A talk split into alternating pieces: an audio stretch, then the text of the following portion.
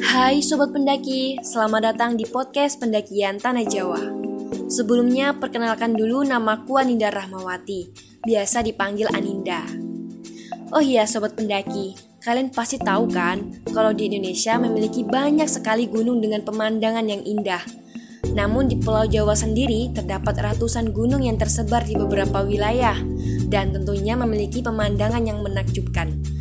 Nah, maka dari itu aku akan spoiler dikit tentang pendakianku di gunung yang ada di tanah Jawa. Oke, aku akan spoiler dikit aja ya. Mendaki gunung itu, kalian harus mempersiapkan kesehatan, mulai dari kesehatan jasmani maupun rohani. Agar nantinya saat mendaki kita sudah siap mental dan juga siap fisik. Selain itu, kita juga harus mencari tahu tentang informasi gunung yang akan kita naiki karena mendaki gunung bukan kegiatan mudah seperti jalan-jalan di mall. Ada banyak loh informasi yang harus kita gali demi keselamatan diri saat mendaki.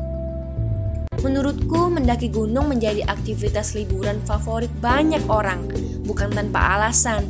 Pemandangan alam di pegunungan memang sudah terkenal menakjubkan, meski mencapainya bukanlah hal yang mudah. Nah, kalian pasti penasaran kan untuk cerita selanjutnya? Dan kalian pasti juga penasaran nih gunung apa aja yang udah pernah aku daki.